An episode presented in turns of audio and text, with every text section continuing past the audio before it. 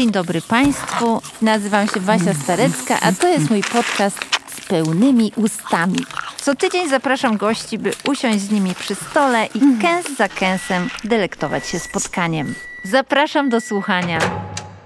No bo to moja tegoroczna propozycja, majonezowa, Dobrze. ale retro.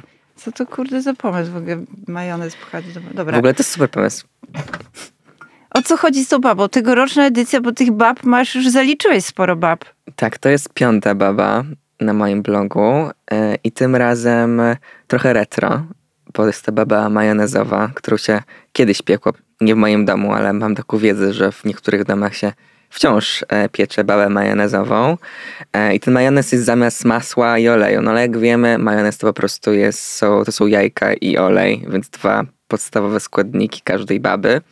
I on ma naprawdę wspaniałe właściwości, bo przez to, że jest taki kremowy, on nadaje tej babie bardzo długą wilgotność, która zachowuje się przez kilka dni.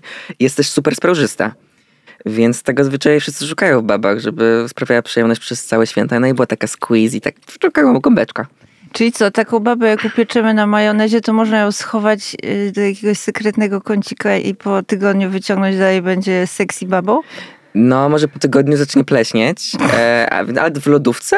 Tak? E, Myślę, że przy, no bo testowałem też e, przydatność i włożyłem sobie, bo ja tutaj ciasta mm, chowam do piekarnika. E, I pięć, po pięciu dniach była ca, cały czas super wilgotna i sprężysta, a po tych szóstych, no tam to już jakiś nalot się pojawił, więc Okej, czyli ty naprawdę tak testujesz No. y, nauk- z naukowym takim zacięciem, a jakimś Na- innym... y, Naukowym bym nie powiedział, że naukowym. Tam pamiętam w cookbooku e, Tomek Zielkę tak super rozkładał wszystkie te Tak. przepisy na czynniki Pozdrawiamy pierwsze. Pozdrawiam, wspaniałe rzeczy. Skarbnica wiedzy. Ja tego tak nie robię. Ja to robię pod kątem takiego, no po prostu, żeby to było smakowało mi, żeby to po prostu było takie użyteczne. Um, no ale testuję, tych, tych, testuję przepisy wielokrotnie. No to spróbujmy tej baby z majonezem. Ja nie jestem pewna, czy ja jadłam e, w, w pełni świadomości babę z majonezem. Być może jakoś spożyłam po drodze, No możliwe. nie wiedząc o tym, że zawiera majonez. Ależ tam opadło dramatycznie, lukier różowy się odkruszył. O, No, prezentuje się wspaniale. Jest troszkę mokrawa, widzę w środku. Mm. I pachnie To jest grapefruit. No bo Właśnie, też chciałem. jakimiś cytrusami. Znaczy, tego majonezu nie czuć, przynajmniej ja nie czuję, a też zwiększyłem jego ilość tak stosunkowo w porównaniu do takich przepisów, które są dostępne gdzieś indziej. E, ale ten grapefruit czy cytruski po Mhm. prostu też potencjalnie maskują e, wszystkie niepożądane mm, smaki. No i uważam, że e, grapefruit w ogóle to jest najbardziej dostojny z wszystkich e, cytrusów. Bo ten gorzkawy smak e, no jest trochę wymagający, nie każdy go lubi i też trzeba do niego dobrze podejść. No i wydaje mi się, że ciasta mocno słodkie, takie jak baba, które mają dość równy, taki łagodny smak, są dobrą destynacją dla grejpfrucika. No i ten grejpfrucik jeszcze jest w tej polewie, w tej, No właśnie czuję. i teraz e, tu zrobiłem dla ciebie taką wersję e, hardcore troszeczkę, e, bo e, em, skondensowałem e, sok z grejpfruta przed tym, jak dosypałem cukru pudru. E, Jest bardzo wyrazisty, No. ale przyjemnie się łączy, ma to sens, Mm. powiem ci, doceniam. Bardzo ci dziękuję, jest w ogóle to szalenie wzruszające i ujmujące, że upiekłeś po raz piąty tą samą babę specjalnie dla mnie tym razem. to tak ja nie uznaję w ogóle lukru e, na wodzie. Zawsze robię na soku z cytryny, który przełamuje swoją kwasowością no, tą turbosłodkość. No a właśnie grapefruit idzie w zupełnie innym kierunku, takim dos- dostojnym. Ale i tak uważam, że z wszystkich przepisów na baby, które mam na blogu, bo mam bananową z kurkumowym lukrem, e, pomarańczową nasączoną likierem Cointreau z polewu z białej czekolady, drożdżową z maślaną koroną, też jest super, bo przykleiłem do lukru okruszki takie, e, i robi się taka korona wspaniała. No, a z wszystkich tych przepisów uważam, że ta baba to jest taka baba najbardziej demokratyczna, e, którą dosłownie każdy polubi. E, aż tak bardzo się nie wyróżnia oprócz tego kolorowego Różowego. różowego e, koloru. No i to będzie na pewno taka baba, którą ciocia Grażyna i wujek Krzysztof wszyscy pochwalą i będą, o Jezu, jaka dobra. Mm. O, tego Państwu życzymy, a ja witam z pełnymi ustami Dzień dobry. i zapraszam na kulinarne słuchowisko z Michałem Korkoszem. autorem książek kucharskich i bloga Rozkoszny, czytam z Wikipedii. Okej, Y, Michał jest również publicystą i internacjologiem. no to jest dobre, ten internacjonalek to jest dobre Mm, oni to sięgnęłam, bo wiesz, nie, nie, nie często goszczę gości z taką notką biograficzną w Wikipedii, więc miałam taki apetyt, żeby po to sięgnąć. Ale chciałam cię podpytać w związku z tym skomplikowanym terminem, czy ty jakoś y, praktykujesz tą internacjologię? Absolutnie nie, więc dlatego nie wiem skąd to się bierze. E, No skończyłem stosunki międzynarodowe Mm. i napisałem taką fajną pracę, którą wielokrotnie później wykorzystywałem w różnej e, w różnych formach, pracę dyplomową o dyplomacji kulinarnej. Mm. I miałem tam jakieś różne propozycje od różnych instytucji rządowych i niezrządowych wykorzystywania tego, bo nikt w Polsce się nie zajmuje dyplomacją kulinarną, znaczy nikt nie napisał pracy naukowej.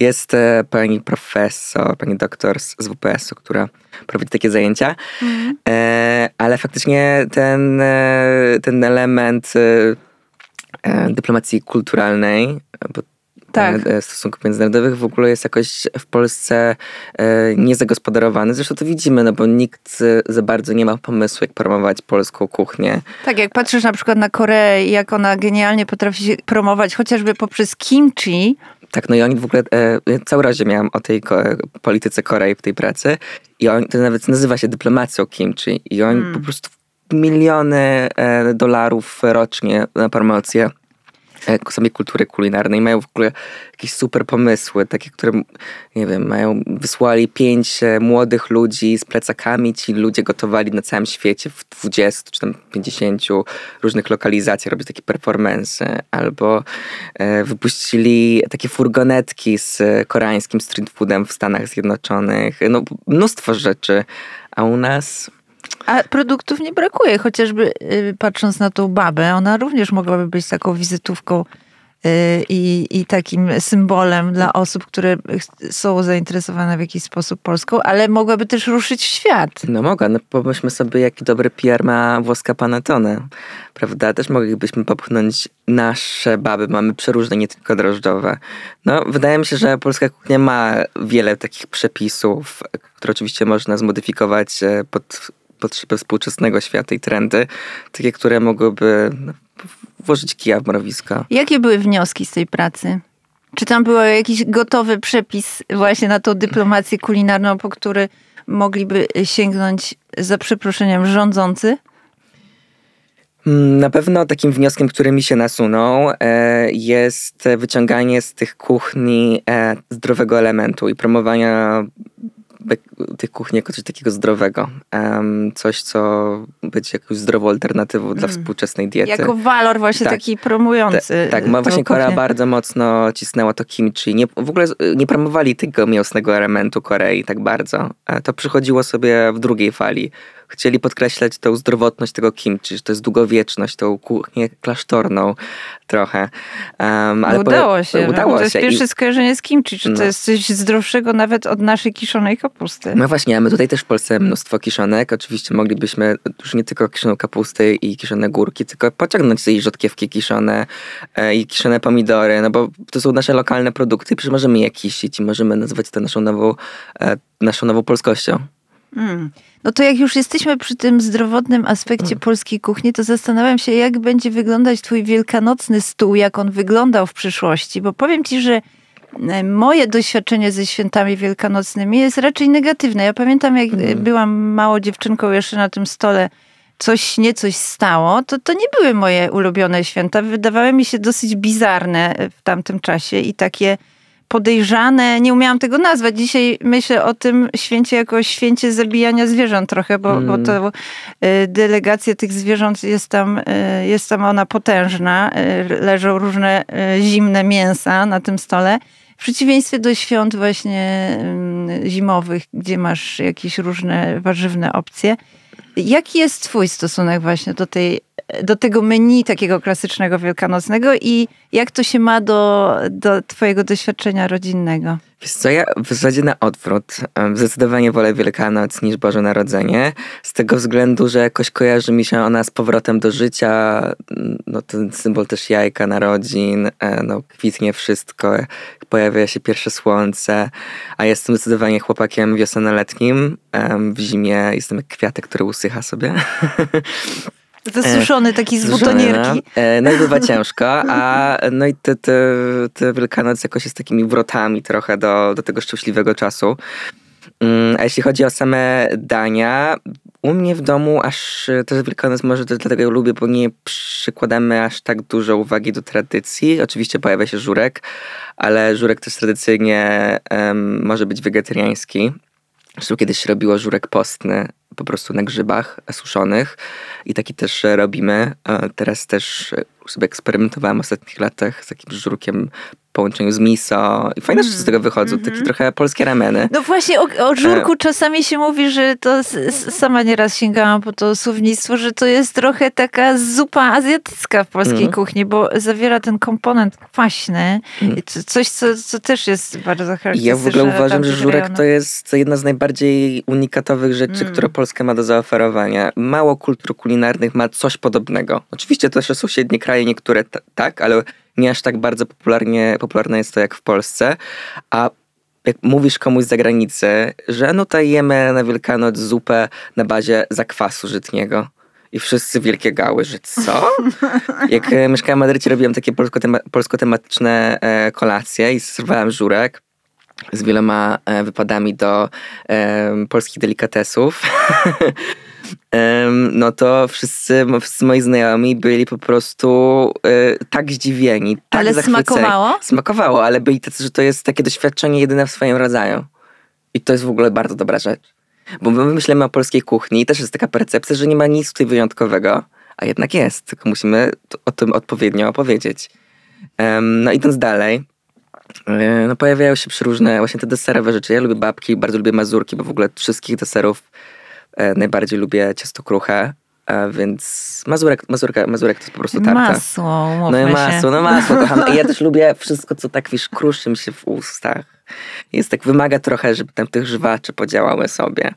No, uwielbiam to doświadczenie, więc ta deserowa część też jest bardziej dla mnie atrakcyjna niż te bardziej ciężkie e, bożonarodzeniowe mm, słodkości. A jeśli chodzi o jakieś inne e, dania e, wytrawne, e, no w tym roku przepracowałem taki przepis na pieczoną fasolę z winem plastrami cytryny, która fasola najpierw jest gotowana z warzywami i solą, żeby przysiągnęła tym warzywnym smakiem, a później jest pieczona w takiej marynacie sosu sojowego, miodu, białego wina, plastrów cytryny i nasion, nasion fenkułu. Jest tak super odświeżające, bardzo aromatyczne i moim zdaniem idealnie pasuje na ten wielkanocny stół, taki właśnie rzeźki Tak. i budzący się do życia. Bo to może być też y, więcej tej zieleniny na No tym tak, stole. Nie, już nie trzeba jechać właśnie w te szynki. No, można też podciągnąć, wiadomo, to jeszcze nie jest sezon, ale już paragi się pojawiają, wiadomo, że to jeszcze nie polskie, e, no ale też, też miałem takie refleksje, że trochę ta mm, idea sezonowości, oczywiście trzeba się temu tego trzymać, no ale jednak we współczesnym świecie no nie da się. To gdybyśmy mieli być tylko tak stuprocentowo sezonowi, to teraz jedlibyśmy tylko buraki ziemniaki. A, Pasternak. jakiś, Pasternak. nie? A mówmy się, no to No. nie pociągniemy, tak?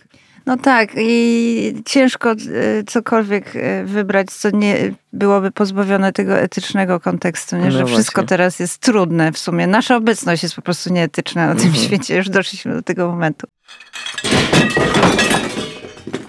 Wspomniałeś, że lubisz właśnie ten efekt y, chrupkości, Mm. jak, jak, ta, Mm. jak te usta Mm. mają nad czym pracować. Mhm. A, już mi się robi dobrze. Chciałam powiedzieć, że ja cię często w ogóle widzę z pełnymi ustami. Jesteś idealnym gościem tego podcastu. A nawet bym powiedziała, że nie tyle z pełnymi ustami, co z niedomykającymi się ustami, bo bardzo często na tych twoich filmach, które są ilustracją przepisów, które proponujesz państwu, y, filmy możecie oglądać i na TikToku, i na Instagramie na przykład y, u Michała, to tam się strasznie dużo dzieje w tych ustach. My, wiesz, patrzymy na jakieś takie wewnętrzne twoje życie pełne przyjemności i tam coś wycieka, trzeszczy, wypada. I przyznam ci się, że jak pierwszy raz y, spojrzałam w otchłanie właśnie tych twoich ust, sobie pomyślałam, że może to jest pewnego rodzaju teatr i kreacja. Miałam takie y, skojarzenia. Aczkolwiek, kiedy pojawiłeś się przy tym stole, bo widzimy się drugi raz, proszę Państwa, w tym studio, mieliśmy okazję degustować ponad 40 pączków w tym roku. Byliśmy bardzo dzielni. Zauważyłam, że ty tak jesz, że ty się zatracasz w tym jedzeniu. Rzeczywiście to jest coś, co wypływa z ciebie, to nie jest wymyślone, to jesteś ty. I bym powiedziała, że się zatracasz i właśnie jesteś sobą wtedy na 100%. I jest w tym taki bliski mi komponent. y, Bardzo to poczułam, jak patrzyłam na ciebie. Zresztą całe byłeś w tych pączkach. Wychodziłeś stąd wymazany pudrami, lukrami, lepiłeś się cały. Dokładnie. Brudna koszula, po prostu nos całe. cały uwalony. I pomyślałam, że to na pewno nas łączy. Y, Taka umiejętność zatracania się w jedzeniu, bo to uważam, że jednak Mhm. jest umiejętność. Pozwalanie sobie na takie zniknięcie, na jakiś moment nirwany, na, nie bójmy się tego słowa, na jakiś kulinarny orgazm. No zdecydowanie. Wie- Wiesz co, no ja e, traktuję jako jedze- jedzenie za największą miłość mojego życia. I oczywiście wszyscy kochają jedzenie, ale ja po prostu jestem w stanie mu się całkowicie oddać. I matka mi to mówi, że ja po prostu jem całym ciałem. Po prostu właśnie wymazany jestem, robię wielkie kęsy, przeżuwam, widać to ekstazę na moim ciele. E, oczywiście no, w tych filmach staram się wybrać te takie, naj... bo to jest wszystko wycinek e, jakiegoś, jakiejś historii, więc wybieram te prostu, które najbardziej ilustrują to doświadczenie. E, ale Czyli nie cenzurujesz jakoś nie cenzuruję, no ale piszą mi niektórzy, o Jezu, obrzydliwe, ale tak, no taki tutaj jestem, jak ci się nie podoba, no to papa, masz mnóstwo innych twórców, którzy są bardziej kulturalni i pruderyjni. E, No ja pochłaniam to jedzenie całym ciałem, jem całym ciałem. Em, No i to doświadczenie rozkoszowania się jest nam bardzo bliskie. To ukrój proszę jeszcze, Jeszcze kawałeczek babki, ja chętnie się w niej zatracę. Bardzo mi smakuje, naprawdę. Ja również się mierzę z Mm. krytyką co jakiś czas, aczkolwiek to słuchowisko, w którym Mm. właśnie bierzesz udział, gromadzi coraz więcej uszu. gromadzi coraz więcej uszu, aczkolwiek zdarzają się właśnie takie komentarze, o już mogłaby zamknąć te usta, już ile można mówić z tymi pełnymi ustami, już pani Basiu po prostu. Ale bez przesady. ja Do się- szeregu. No słuchaj, ale bez przesady z tym, że tak, Czuję się dyscyplinowana. ale... Ale nie daje się. ale Tym bardziej mam ochotę właśnie Ale głośniej ja w ogóle nie uważam, żebyś tak bardzo mlaskała w tym podcaście. Ja, można byłoby więcej. No i bądź tu tutaj- mądry, wszystkim nie dogodzisz no, po prostu. przecież nie, że mam pretensje, ale w ogóle moim zdaniem, no to jest w ogóle jakaś fajna formuła tego podcastu. Też takie nowe rozmowy, bardziej głębokie rozmowy przy jedzeniu, bez limitu.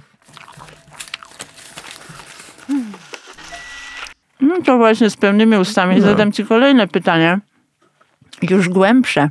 Jakie miejsce w twoim życiu Mhm. w ogóle zajmują baby? Baby. E, No, bardzo e, życzliwe i ciepłe miejsce, bo to moje rodzinne baby, moja mama i moja babcia, w zasadzie były tymi kobietami, które pchnęły mnie w pewnym sensie mm, tu, gdzie jestem, czyli e, w tym epicentrum miłości do jedzenia. I może nie dlatego, że moja mama i moja babcia są jakimiś wybitnymi kucharkami, czy są jakimiś też niesamowitymi smakoszkami, tylko no, to jedzenie bardzo towarzyszyło mi w dzieciństwie. No prawdopodobnie jak wielu osobom to jest tak trochę taki archetyp e, kucharza, że babcia dla niego gotowała, prawda? No ale to moja babcia była tym archetypem takim, dla której gotowanie i karmienie było mm, sposobem okazywania miłości. I pamiętam, mm, spędzałem z moim bratem wakacje zawsze u mojej babci. Rodzice się nas pozbywali na jakiś czas. I to były najbardziej idyliczne momenty mojego życia, przynajmniej tak to pamiętam. Takie hasanie po łąkach, ta babcia, która non-stop karmi. E, śniadanie, drugie śniadanie, e, przekąska, e, przedobiadek, pierwsze danie, e, drugie danie, trzecie, wszystkie jakieś malutkie porcje, ale non-stop przy stole. I moja babcia e, karmiła mnie, mojego brata i siadała przy stole razem z nami, ale ona nie jadła, tylko patrzyła jak my jemy. Mm, syciła się tym Tak, widokiem. ja, ja p- do dziś pamiętam te takie rozmaślane oczy, które patrzą na mnie mojego brata, gdzie jemy jakieś super proste rzeczy. To była wiesz, na śniadanie jajecznica z jakichś świeżych produktów, potem gzik, y, ziemniaki ugotowane z twarogiem i takim sporym plastrem masła większym niż sera.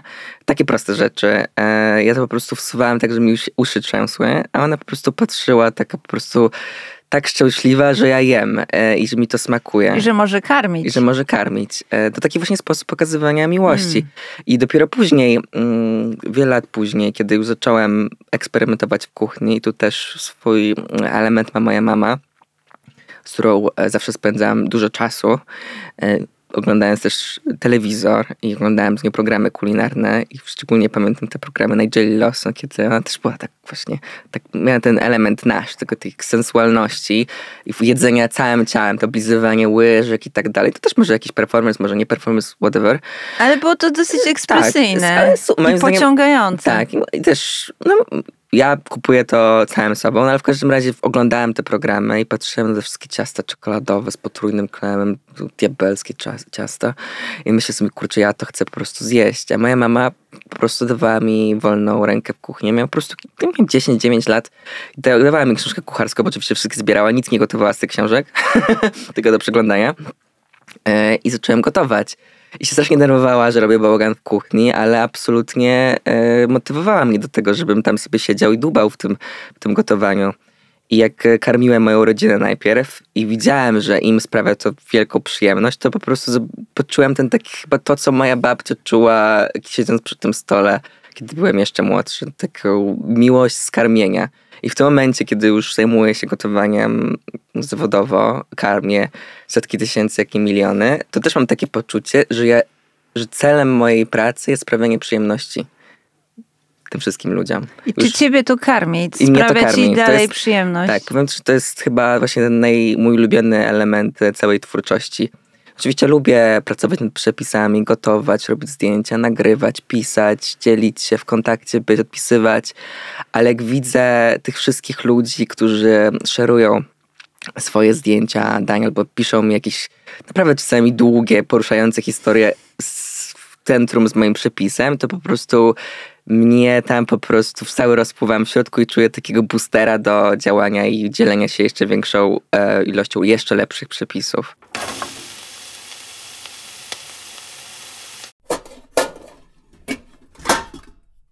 Pochodzisz też z miasta, które właściwie jest jedną wielką babą, bo słynie z y, bardzo kontrowersyjnego y, pomnika. Mówię o Rzeszowie i o no, takiej konstrukcji, która bywa różnie nazywana, ale najdelikatniejszą, szukając najdelikatniejszej wersji tej nazwy, bym powiedziała, że to jest wielka wagina. My mówimy na nią wielka ci. Wielka ci. Brzmi jak miejsce mocy. No, a w ogóle to jest na terenie klasztora. No właśnie, dowiedziałam się ostatnio, że oprócz tego, że jest to przykład jakiegoś mm, no, przyszłości, bo to lata 70., kiedy powstaje, zdaje się, ten pomnik, więc też pamiątka tamtych czasów i te, pewnego stylu w architekturze i w tej pomnikozie naszej, typowej dla, dla naszego kraju, to, że właścicielami tej wielkiej ci są braciszkowie. No. Wiesz co, to jest e, bez tego, bo oczywiście bardzo kontrowersyjny e, pomnik, zresztą tak jak Pałac Kultury i Nauki, no bo pomnik czynu rewolucyjnego. Em, więc pojawia się zawsze, pojawiają się głosy, och, trzeba go wyburzyć. No e, Właśnie, widzę, że się toczy teraz e, dyskusja nad taka- losami. No tak samo pa- wyburzyć Pałac Kultury i Nauki. No może nie trafia to do, do estetów, ale jednak jest częścią naszej historii i ja sobie na przykład myślę, kurczę, czym byłby Rzeszów bez Wielkiej Ci? To- Jak ci się dorastało w jej cieniu, opowiedz. No wspaniale. Ja chodziłem niedaleko do liceum, pierwszego liceum ogólnokształcącego w Rzeszowie. To, było, to jest dos- dosłownie epicentrum Rzeszowa. Stoi w ogóle, wszystko jest w cieniu tego, tej, tej wielkiej ci. E, Miejsce spotkań z znajomymi pod wielką ci. Aha, Em, czyli, czyli w ogóle to jest taka rotunda warszawska, że się tam trochę umawiasz. Tak. No trochę tak, no bo obok jest oczywiście galeria handlowa, Mhm. em, więc tam jest bardzo spory ruch. em, bardzo dobrze się czuję, wychowany pod wielką ci. A Jak wspominasz w ogóle Rzeszów? Bo się wyprowadziłeś z niego na studia w Na studia, Warszawie. tak. Em, Wiesz co, dobrze. Um, znaczy miałem, miałem lepsze i gorsze momenty. To zależy od, no, od okresu, od szkoły zwyczaj. Ale już ten taki dojrzały czas, czyli okres licealny, to był czas takiego turbo rozwoju. Robiłem po prostu milion rzeczy. Najpierw poszedłem na e, studia, e, na kierunek biologiczno-chemiczny, bo chciałem być lekarzem. E, później, ale zacząłem już robić mnóstwo innych rzeczy. Zapisałem się do gazetki szkolnej, której jestem redaktorem naczelnym. E, byłem w parlamencie Młodzieży Rzeszowa, byłem w Europejskim Parlamencie Młodzieży jeździłem sobie tam do Strasburga na obrady. Byłem w trupie e, aktorskiej, e, anglojęzycznej i francuskojęzycznej, e, więc a, wszystkie olimpiady trzaskałem, żywienia i żywności, historii, e, wszystko robiłem po prostu. Nawet ja nie wiem, kiedy ten, gdzie ten czas był, bo teraz nie wiem tyle czasu. I odkrywałem siebie. I to miałem super nauczycieli, którzy e, mnie trochę pchali do, do odpowiednie kierunki. Jak poszedłem ten biologiczno-chemiczny kierunek, no to moja wychowawczyni powiedziała, pod koniec roku, że Michał, a przepisz się. Wiesz co, jesteś super uczniem, masz super oceny, ale tutaj się marnujesz. Idź do tej klasy medialnej. Mm. E, miałem wspaniałą um, nauczycielkę angielskiego, Magdę Janicką, która była moją, była moją najlepszą przyjaciółką i to była taka dziwna relacja, bo byliśmy przyjaciółmi w zasadzie i po prostu wszystko opowiadałem. Sercowe sprawy, niesercowe sprawy. Taki trochę mój psycholog e, szkolny po zajęciach każdych. Macie kontakt? E, mamy kontakt. Może już nie taki jak e, e, wtedy, po, po od razu po, po zakończeniu liceum się przedstawiliśmy, że przychodzimy na imię nie już nie per pani, tak. bo oczywiście trzeba było zachować jakąś kurtuazję. Um, I no, spotykaliśmy się na kawki, herbatki. Teraz zdarza się to oczywiście rzadziej, bo, ale też dlatego, że ja po prostu dość rzadko bywam w tym Rzeszowie. Mm. Niestety y, dużo, dużo pracuję, to, to moje życie y, całkowicie się praktycznie przeniosło tutaj do Warszawy, więc do Rzeszowa wracam, ale na święta. Y, I na, okresie waka- na okres wakacyjny, kiedy coś tutaj, coś tutaj zwalnia i mam czas spędzić więcej czasu z rodziną, taki na takim chillu. E, więc jak się przyjeżdża na, na okres świąteczny, no to się chce spędzić go z, rodzi- z rodziną przede wszystkim, no bo nie ma tych dni aż tak dużo, wycisnąć z tych chwil jak najwięcej. Więc... My się z Państwem słyszymy w niedzielę wielkanocną. Ty, jak rozumiem, będziesz wtedy właśnie w Rzeszowie. Będę w Rzeszowie. Czyli machasz z przyszłości już do Państwa z Rzeszowa. Dokładnie. Opowiadasz tak pięknie o babach, o kobietach w Twoim życiu. Zastanawiam się, czy byli też ważni mężczyźni na tej twojej drodze? Czy mm. by, były jakieś męskie wzorce? Wiesz co, rzadko w ogóle mówię w wywiadach o moim ojcu, ale mm, wydaje mi się, że on też odegrał dość e, ważną rolę e, z tego względu, no może to jest taki typ ojca też bardziej w czynach niż w słowach, e, ale mój ojciec pracuje na uczelni z profesorem, więc też ma krótszy dzień pracy i to on zawsze odbierał mnie ze szkoły i to on gotował mi obiady. U mnie była zupełnie inna relacja w domu. To mężczyzna gotował, nie kobieta. Moja mama wracała później z, z pracy i to najpierw mój tata gotował, potem razem, razem gotowaliśmy, później ja gotowałem, mój tata mi pomagał. E, więc on pokazywał mi, że to mężczyzna może gotować, że to mężczyzna gotuje Piękne. i to niczego mu nie odbiera, no bo był potrzebny, no bo bez taty by nam się, no to się nie spijało wszystko. Tworzył dom. Tworzył, tworzył dom. Chodziliśmy na zakupy, razem, właśnie gotowaliśmy razem, więc takie czynności, które w wielu domach są kobiecymi czynnościami, a u nas była absolutnie bez żadnej takiej naklejki, że to robi to kobieta albo mężczyzna. No, moi rodzice mieli bardzo fajną relację, jeśli chodzi o te zadania um, domowe i to, to jest e, no, to świetny przykład dla mnie. Myślę, że to też dało mi jakieś takie poczucie, że ja mogę, bo gdybym się wychował w takim domu, gdzie tylko kobieta by trzaskała ciacha i byłoby tak no, niefeministycznie, no to może pierwsze y, ta moja kariera kulinarna spotkałaby się z no może niezadowoleniem. Znaczy, może na początku też nie było jakiegoś dużego zadowolenia, bo wszyscy chcieli, żebym był lekarzem albo prawnikiem. Tak? Był to temat jakiś w rodzinie? Co z tym Michałem? Idzie w te baby, a mógłby przecież w parlament. E, no, bardziej to już było tak, też moi rodzice bardzo mnie e, motywowali, żebym studiował jednak, żeby nie zamykał um, drogi. No, no, też słusznie bardzo, no bo udało mi się wkroczyłem na tą ścieżkę z hukiem i się tutaj prawdopodobnie utrzymam. Em, ale no mogło być różnie, prawda? Mogłem się, nie wiem, wypalić albo, nie wiem, mogłem mieć wielki start i, i koniec, brak roboty, więc dobrze mieć jakąś jakieś wykształcenie. No ale to zaszczepili we mnie, tak, no bo jak kujany byłem strasznym. Jako nastolatek się bardzo dużo uczyłem. E, No i też to jest właśnie zasługa mojego ojca, który y, mnie bardzo w tym naukowym kierunku mo- mobilizował i wspierał i e, no i tak. No tak sobie wyobrażam, że jak masz e, w rodzinie tak blisko osobę, która poświęca swoje życie nauce i edukacji. No to, no, jeszcze jedna rzecz. E, Znaczy to może, nie czy zawdzięczać, czy nie zawdzięczać, ale no mój ojciec też jest tym naukowcem z powołania, z wielkiej pasji i spędza mnóstwo czasu w pracy, tam pracując nad jakimiś projektami naukowymi.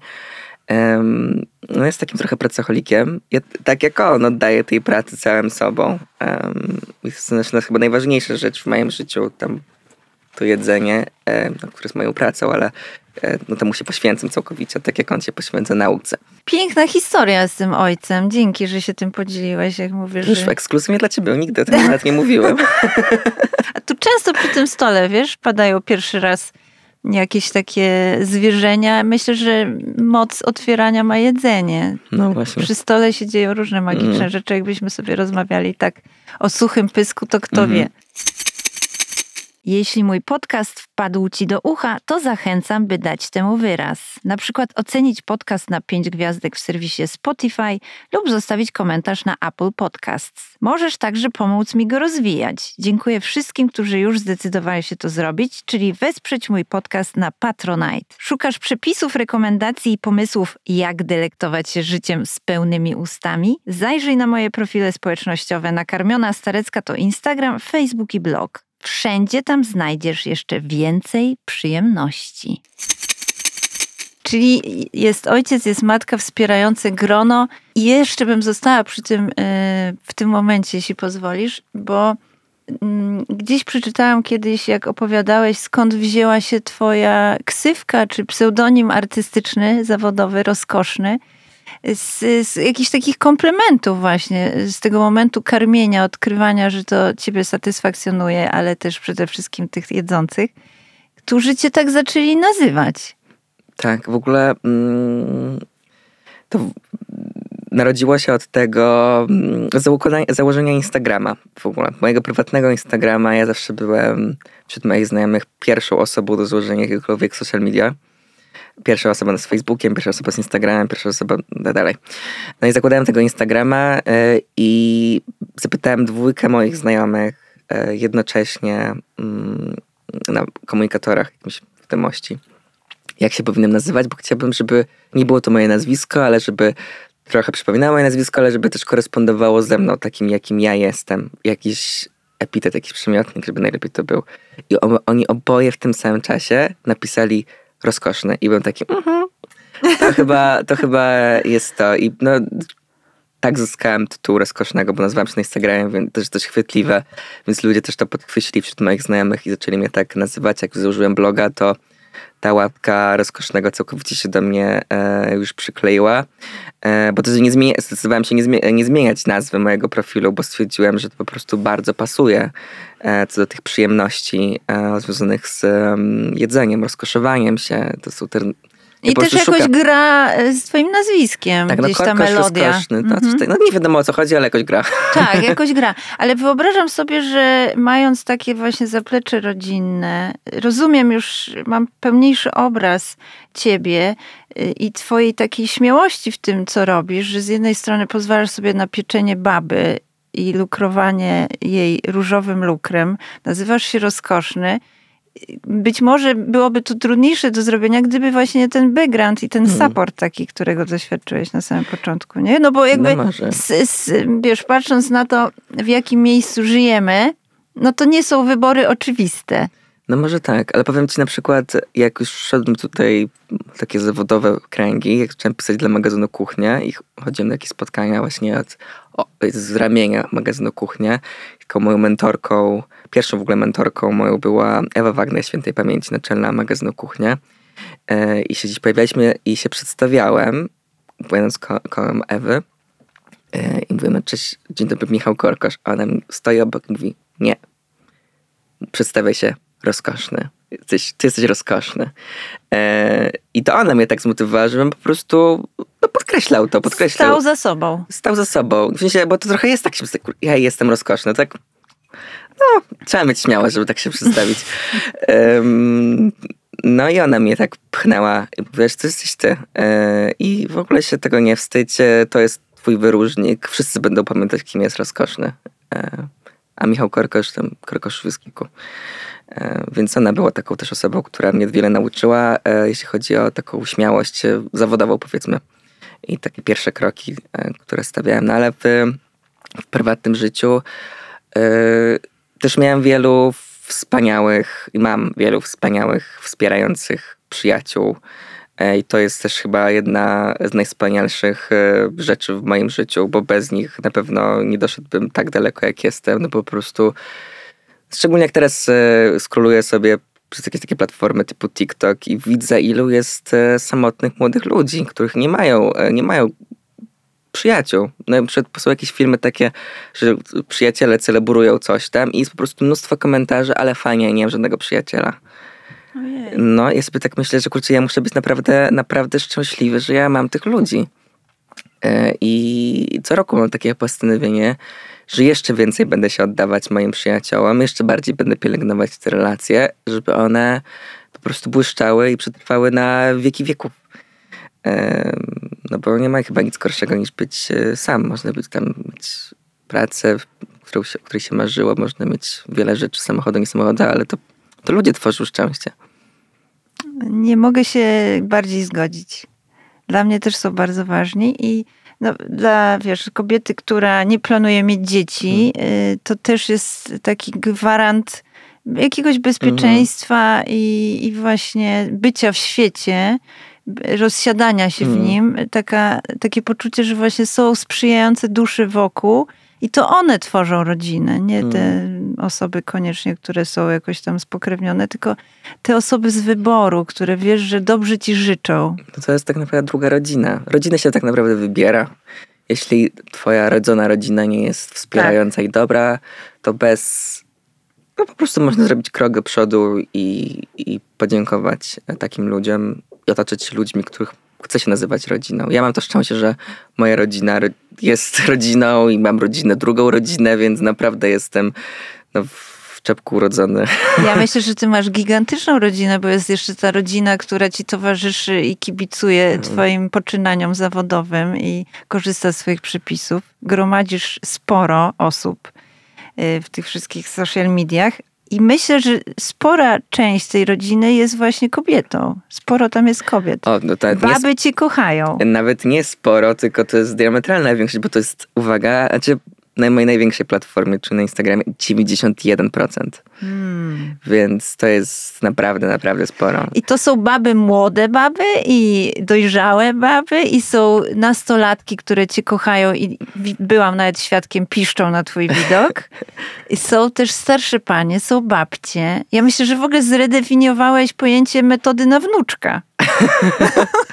No największą grupą moją, no według statystyk, no bo to widać, prawda, jest ta grupa e, od, od 25 do 34 lat. Ale faktycznie e, w każdej, każdej grupie wiekowej są, są, są fani, są fanki. E, czytelniczki, nie lubię słowa fanki, bo to tak, czy- czytelniczki. No więc no, to super doświadczenie. Ja zawsze się czułem bardzo dobrze wśród kobiet, więc też się dobrze czuję w takim gronie. E, Zresztą wydaje mi się, że trudniej znaleźć fajnego, wspierającego kumpla, nietoksycznego, e, niż fajną babę. Takie masz doświadczenie. Tak, tak, zdecydowanie. zdecydowanie. Też lepiej się czuję wśród, wśród kobiet. Kobiety mówią o emocjach. Em, jeśli ma się bliskie grono znajomych, które, jest, które sobie ufa, no to mówi wszystko sobie, prawda?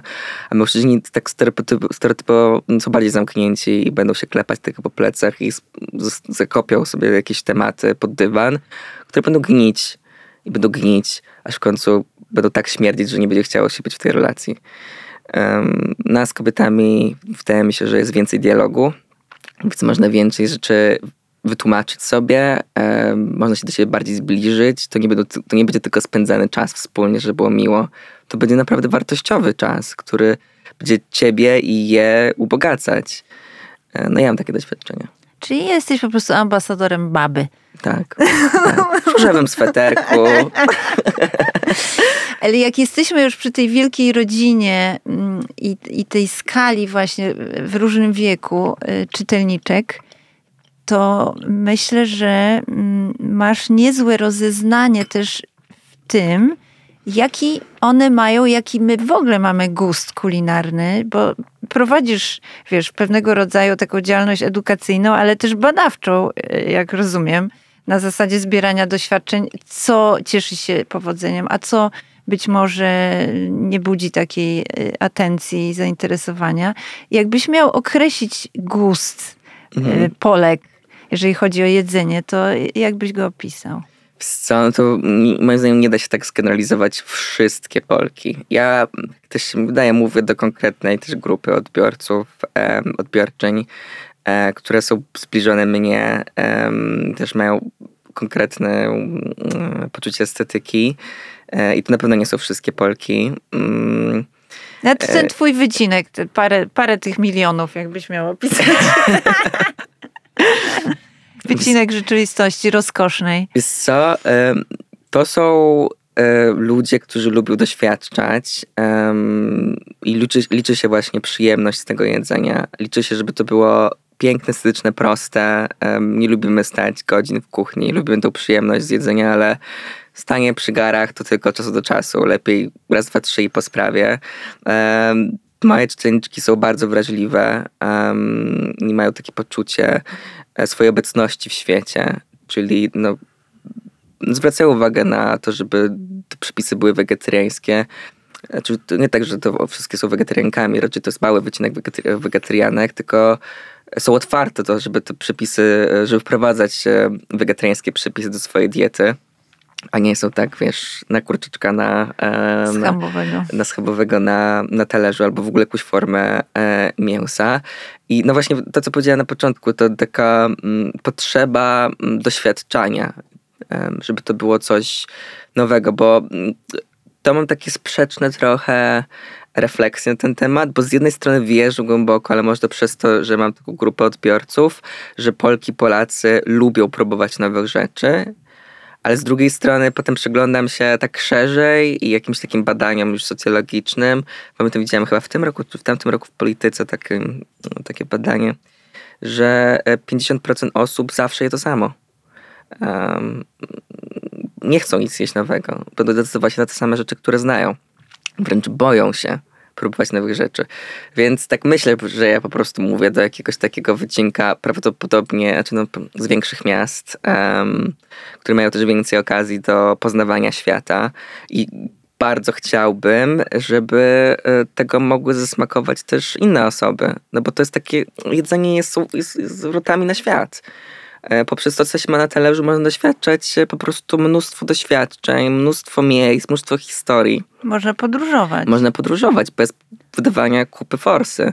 I też w e, czasie, nie? Bo poznawać właśnie historię jakichś konkretnych Dokładnie, dań. dokładnie. Um, więc chciałbym, żeby niektórym osobom się tworzyły te klapki na oczy, bo to też zwiększa wrażliwość e, na świat jak się otwiera na różne właśnie historie, um, za którymi stoją ludzie, na przykład jeśli wprowadza się do swojej diety produkty, które pojawiły się u nas um, w sklepach dzięki imigrantom, to się jest e, bardziej e, przychylnym tym, e, tym osobom, bo te osoby są ci po prostu bliższe. Nie bez powodu jest ten symbol okrągłego stołu siedzi przy stole wraz z ludźmi wtedy te granice się um, zacierają, prawda? To może być też bardzo symboliczne. E, poprzez właśnie to, co ty kładziesz na swoim talerzu, jeśli będziesz zamknięty tylko na tego schabowego, który byś uważał, że tradycyjnie polski, mimo tego, że przyjechał z Austrii.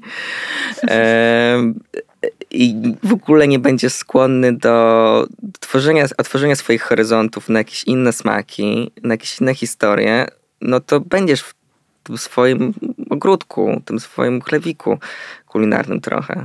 Trochę się tak tłamsił tych historiach. Myślę, że sporo osób tam jest też z takiego lęku y, przed doświadczaniem czegoś innego i to właśnie tak szeroko Mm. rozumianego. Co? Przed innym. Teraz po tych studiach stosunków międzynarodowych studiowałem socjologię i pisałem pracę o zależności między preferencjami politycznymi a wyborami żywieniowymi. I też miałem taki em, rozdział o chęci próbowania nowych rzeczy. No i wyszło tam jasno w tym badaniu, że czym bardziej jesteśmy na lewo, tym jest większa chęć próbowania nowych smaków. No, linia podziału między schabowym a humusem bardzo wyraźnie rysuje się przez Bardzo. nasz kraj. No i nawet e, to akurat nie, ja nie prowadziłem tego badania, ale powoływałem się na takie badania mm, włoskich e, psychologów, którzy pokazali, że neofobia, neofobia żywieniowa, czy tak wstręt, taki strach przed próbowaniem nowych rzeczy, który nie jest podyktowany, że coś jest tam, może być niezdrowe dla nas, bo to, to, to jest trochę tak bardzo biologicznie, że nie, jak niektórych rzeczy nie jemy, bo się ich po prostu boimy może być że może być zepsute, zepsute, tak, prawda? mhm. Coś śmierdzi na przykład, ale taka neofobia, czysta neofobia żywieniowa jest e, no, skorelowana e, z strachem przed e, imigrantami. Więc no, to mówi sama przez siebie. Musiałam zagryźć bebeka. Zrobiło się poważnie. Czy ty czujesz, że to przyciera twój szlak do świata? Czy miałeś taką refleksję kiedyś? Czy poznaję świat przez kuchni, jedzenie? w kuchni, tak, że to w ogóle jest takie otwierające. E, No ba- bardzo, zdecydowanie. Mm. E, No ja podróżuję ze względów kulinarnych. E, Mam wrażenie, że tak właśnie odkrywam świat. To jest, to jest dla mnie to, Tym kluczem. Ten, ten, tym kluczem do odkrywania świata. No zdecydowanie, bez tego myślę, że bardziej byłbym zamknięty na, mm, no na wszystko, na, na, różnych ludzi, którzy prezentują różne historie. No idziesz, nawet jak pojedziesz do jakiegoś multikulturowego miasta typu Londyn i widzisz tych wszystkich ludzi z całego świata e, i za którymi stoją różne kultury kulinarne i oni się tam wszyscy tłamszą w takim garze i możesz uczestniczyć w tej kulturze kulinarnej i nagle widzisz, że świat nie ma granic. Mm, wpadasz z tego tygla. Tygla. No w Warszawie też tak trochę już jest, nie? Jest. E, I no dlatego trochę powiedziałem, że mówię trochę do takiego wielkomiejskiego em, czytelnika, który już jest bardziej otwarty na te różne smaki międzynarodowe, no bo ja no, używam tych składników też. Na pewno napisałem książkę o polskiej kuchni, takiej bardziej tradycyjnej. E, ale używam pasty miso, sosu sojowego, harisu, tahini. Mhm. Czy t- takie składniki w dużej mierze już są w, e, tych dużych sklepach typu Biedronka i Lidl, prawda? Więc one nie są składnikami niedemokratycznymi. Po takie też niestety sięgam, no ale po prostu nie potrafię się opanować um, tej przyjemności z jedzenia. E, więc to też już zależy od woli, a nie od dostępności. Um, też dzielę się przepisem, um, którym jest tytu- w tytule jakiś składnik i czasami dostaję jakieś pytanie, czy kurczę, można go zastąpić. A ja mówię, no kurczę, weź dajcie sobie, dajcie sobie, sobie ten składnik i zobaczysz, ile można z niego zrobić, ile on ci wniesie do, do, do twojej kuchni, do twojego życia. No to też taka rola edukatora dosyć odpowiedzialna, mm, wprowadzania właśnie jakichś nowinek do diety, bo tak myślę, że to wszystko też jest, może być kwestią czasu. Yy, I, I wspaniale, że e, promujesz, wiesz, jakieś takie rozwiązania właśnie z tego tygla e, smakowe, bo wiesz, jak przypomnę sobie ty tych czasów, nie pamiętasz, ale w latach 90. to absolutnie nie było tych wszystkich składników. Ja pamiętam, jaki przeżyłam szok pierwszy raz kupując gotowe pesto, e, będąc nastolatką i zastanawiając się, co to w ogóle jest, z czego to jest zrobione. Dopiero później przyszła wiedza, e, jakie składniki tam są w środku w tym słoiczku. No Więc kurczę, teraz podstawa diety studentów. makaron i pesto. Makaron i pesto. No tak, to jest podstawa diety młodych ludzi. Co jedzą młodzi ludzie wobec tego? Jesteś reprezentantem No ja może- genzetów, więc opowiadaj. No może ja nie jestem takim typowym reprezentantem, tak się mi wydaje, ale e, prowadzę e, badania terenowe, Mhm. py- pytając ludzi, co jedzą, bo dla mnie no, się ostatnimi czasy bardzo ciekawe było, czy jak wygląda współczesne polskie gotowanie. Bo jeśli zastanowimy się, czym jest polska kuchnia, no to tak socjologicznie odpowiadając, jest tym, co się w tym momencie je i gotuje, prawda? No bo za 100 lat, jak historycy i socjologowie będą się analizować współcze- naszą współczesność, no to nie będą jej analizować przez pryzmat tej kuchni PRL, którą, która była 60 lat temu, tak? Tylko poprzez pryzmat tego, co się teraz gotuje. I to będzie polska kuchnia e, e, drugiej dekady, drugiej dekady e, XXI wieku, więc e, podpytuję, no bo wiadomo, że ja tam jestem bardziej otwarty na różne smaki, to jest mój prac, żeby tworzyć te nowe przepisy, więc ja posuwam tą swoją barierę e, nieustannie, ale jestem, jestem ciekawy co do, jak to jedz, jak jedzą i myślą o jedzeniu e, inni ludzie. To są proste rzeczy, nie ma już czasu na wielogodzinowe gotowanie, więc szuka się bardzo prostych rozwiązań i chodzenie na skróty. E, Wprowadza się mnóstwo ale nawet nie, nie, nie, że tradycyjnych dań z różnych kultur kulinarnych, jakieś wyciąga się elementy e, z różnych, z różnych przepisów, czy z od różnych, e, różnych krajów.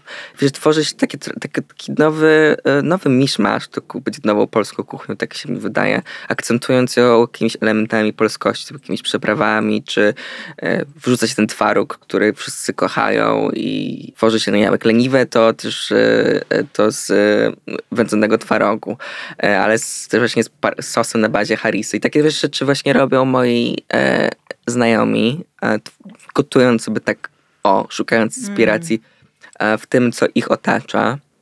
Ja też mam tutaj właśnie swoją zasługę, że dzielę się tymi przepisami, które ich inspirują i mi się wydaje, że właśnie to jest e, współczesna polska kuchnia, taka mocno zglobalizowana. Gdzie jest sushi na Wigilię i humus na imprezę urodzinową. Nie, mo- może sushi na Wigilię to może nie, ale Znam takie domy. no ale w sensie, no Czemu nie? czemu nie? Bywa z kaszą jaglaną na przykład.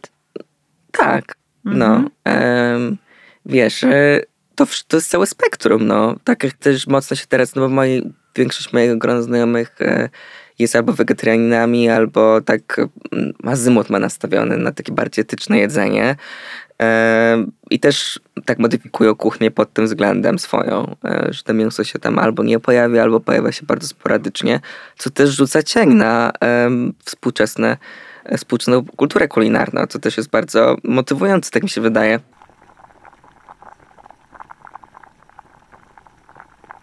Co będziemy nazywać kuchnią polską za te 20-30 lat? Bo tak jak mówisz, wszystko jest jakimś znakiem czasu i ta definicja zmienia się w czasie.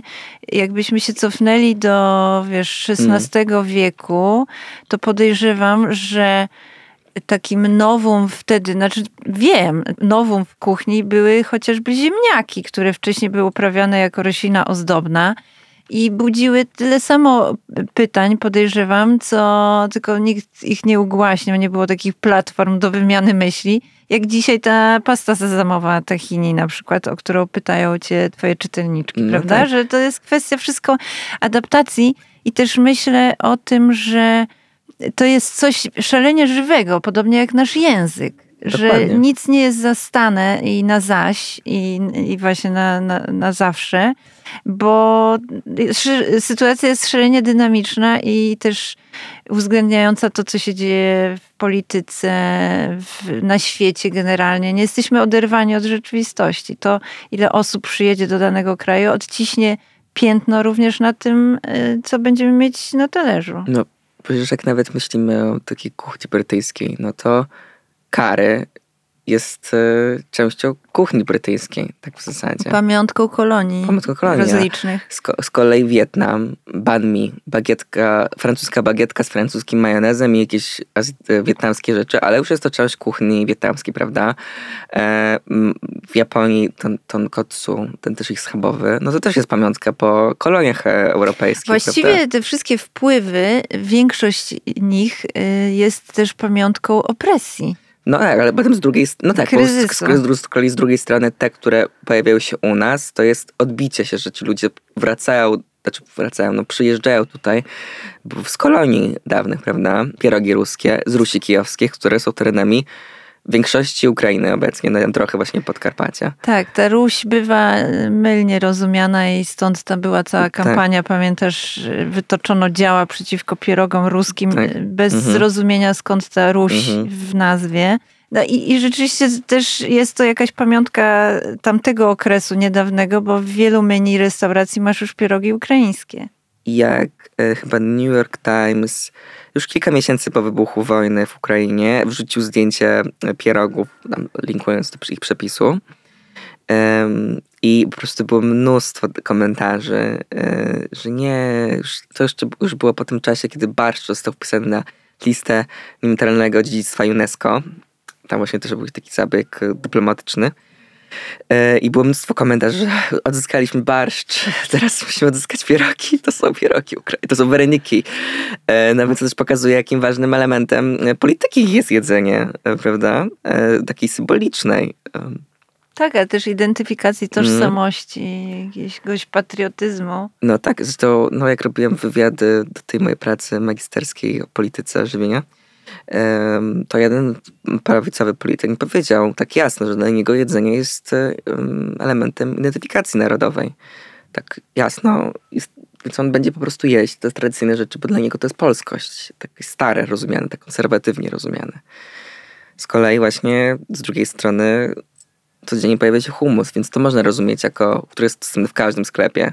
Z różnych, nie tylko z soczewicy, e, tylko z ciecierzycy, tylko też z fasoli, soczewicy i tak dalej. Tworzy się jakieś para humusy, nowe smarowidełka, które będą wchodziły Właśnie, tutaj nam. należałoby chyba je tak, y, trzymając się reguł językowych, y, nazywać bardziej smarowidełkami, bo humus zdaje się, No tak. powinien być tylko No, tej tak też tak ciecierzycy. marketingowo jest robione, Tak, nie? tak, Humus ale- z fasoli. Ale też żeśmy go zaadoptowali zgrabnie. Super, y, ten wątek nam wyszedł, to, to ciekawe, W dotknęliśmy ogóle to tych- tak, bo o tym będzie moja druga książka.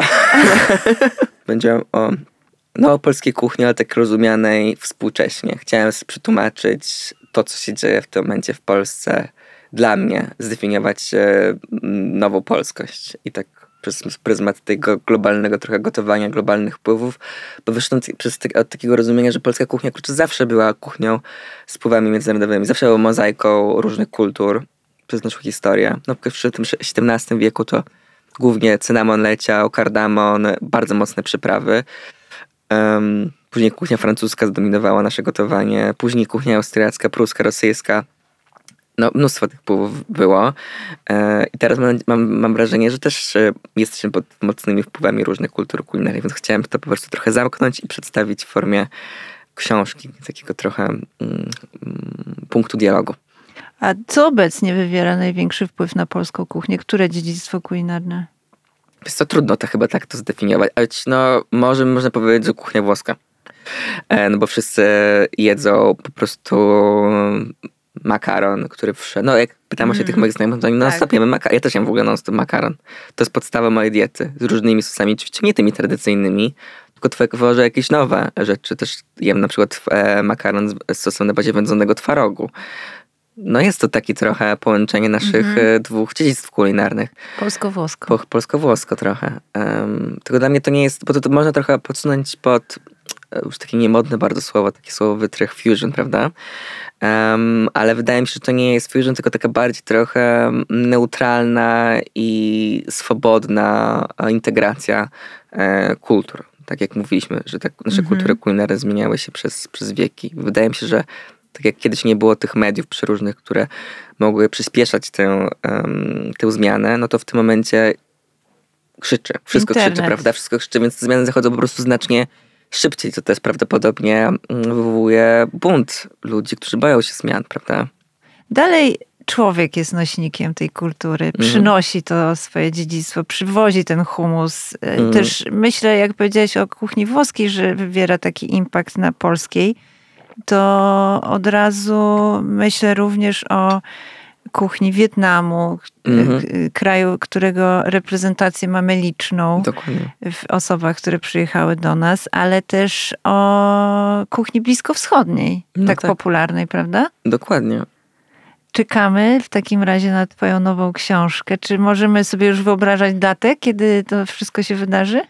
E, tak, chyba jeśli nic nie ulegnie zmianie, to bo książka Wrzuć- będzie najpierw po angielsku. Mhm. em, w Stanach i Kanadzie będzie publikowana i premiera ma być 24 października, ale w listopadzie już ma być polska edycja. Jak to się stało, że najpierw zagranica, a nie Rzeszów? o ironio, najpierw osiągnąłem sukces y, w Stanach Zjednoczonych i też jest to jakaś niesamowita historia mojego życia. Po roku działalności w blogosferze, gdzie tam naprawdę może miałem 5 tysięcy obserwujących na Instagramie, czyli no nic. Em, dostałem maila od magazynu, który czytałem, kocham non-stop, chyba na pewno znasz Saver.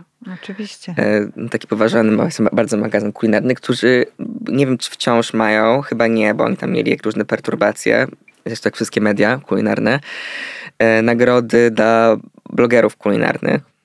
E, ja po tym roku działalności, pisząc po polsku, dostałem nominację do ich nagród za najlepszą fotografię kulinarną. E, No i dla mnie to już było wielkim e, wyróżnieniem. Zresztą byłem nominowany z najlepszymi fotografami ówczesnymi, między innymi e, z Martą Greber. Naprawdę, wszystkie- te dziewczyny robiły takie zdjęcia bardzo mm, stylizowane, ale nie w takim złym tego słowa znaczeniu, tylko przedstawiające całą historię. Ma bardziej mroczne kolory, takie wtedy było modnie tak. Malarstwo holenderskie. Male, ma, tak, dokładnie. To, to jest dobre określenie. A ja robiłem zdjęcia jedzenia. ja tak mocno się fokusuję. Zawsze fokusuję, zawsze fokusowałem mocno na wypunktowaniu tych najważniejszych elementów potrawy. No i pojechałem na te rozdanie nagród. E, Zresztą to jest takie moje szczęście w nieszczęściu. Tak tydzień przed nagrodami. Moja pierwsza podróż międzykontynentalna, lat 19. Em, Złamałem rękę prawą. Dobrze. Lot, gala odbywała się w Charleston, więc musiałem polecieć tak, z Warszawy do Londynu, z Londynu do Chicago, z Chicago do Charleston. To miało trwać 24 godziny, a trwało 36, bo tak, wszystkie loty w ogóle były opóźnione. Ja nie zdążyłem na lot w Chicago. Uciekł mi, ja tam biegłem po prostu z gate'u z tą złamaną ręką, z trampkami rozwiązanymi, myślałem, że sobie wybiję zęby. Ja rozryczałem się przed tym gate'em, bo zamknęli na moich oczach, nie chcieli mnie wpuścić. Ja tam byłem umówiony z tymi, z tym kimś z magazynu, że mnie odbierze konkretnej godzinie. Nie miałem, to jeszcze było dobre, ile już 6-7 lat temu. E, nie było internetu, nie miałem internetu już na, w Stanach. Nie miałem jak się w ogóle komukolwiek dać znać, że będzie opóźniony, będę opóźniony, że nie, nie, nie będzie na czas. Tam się rozryczałem, przebukowali mi lot, leciałem z Marines.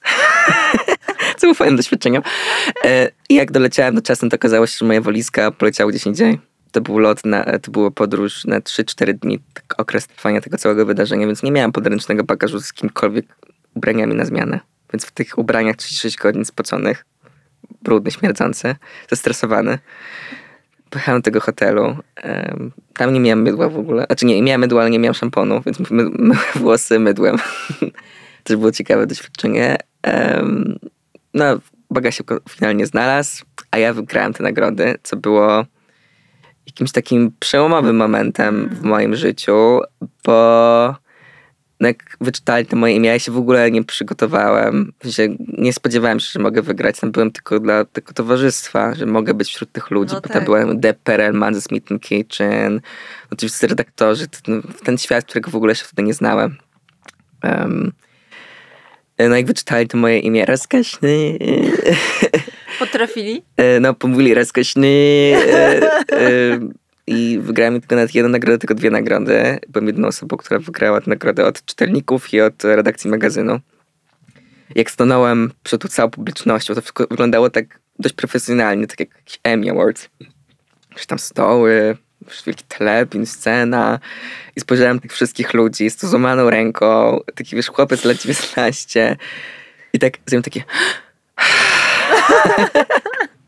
Wszyscy się roześmiali, a ja po prostu za nie mówiłem i nie wiedziałem, co powiedzieć. Miałem chyba najgorszą przemowę. Mam nadzieję, że tego nikt nie nagrał. Ja nic nie znalazłam, E, słuchaj. najgorszą chyba przemowę, jąkałem się przy tej no straszne.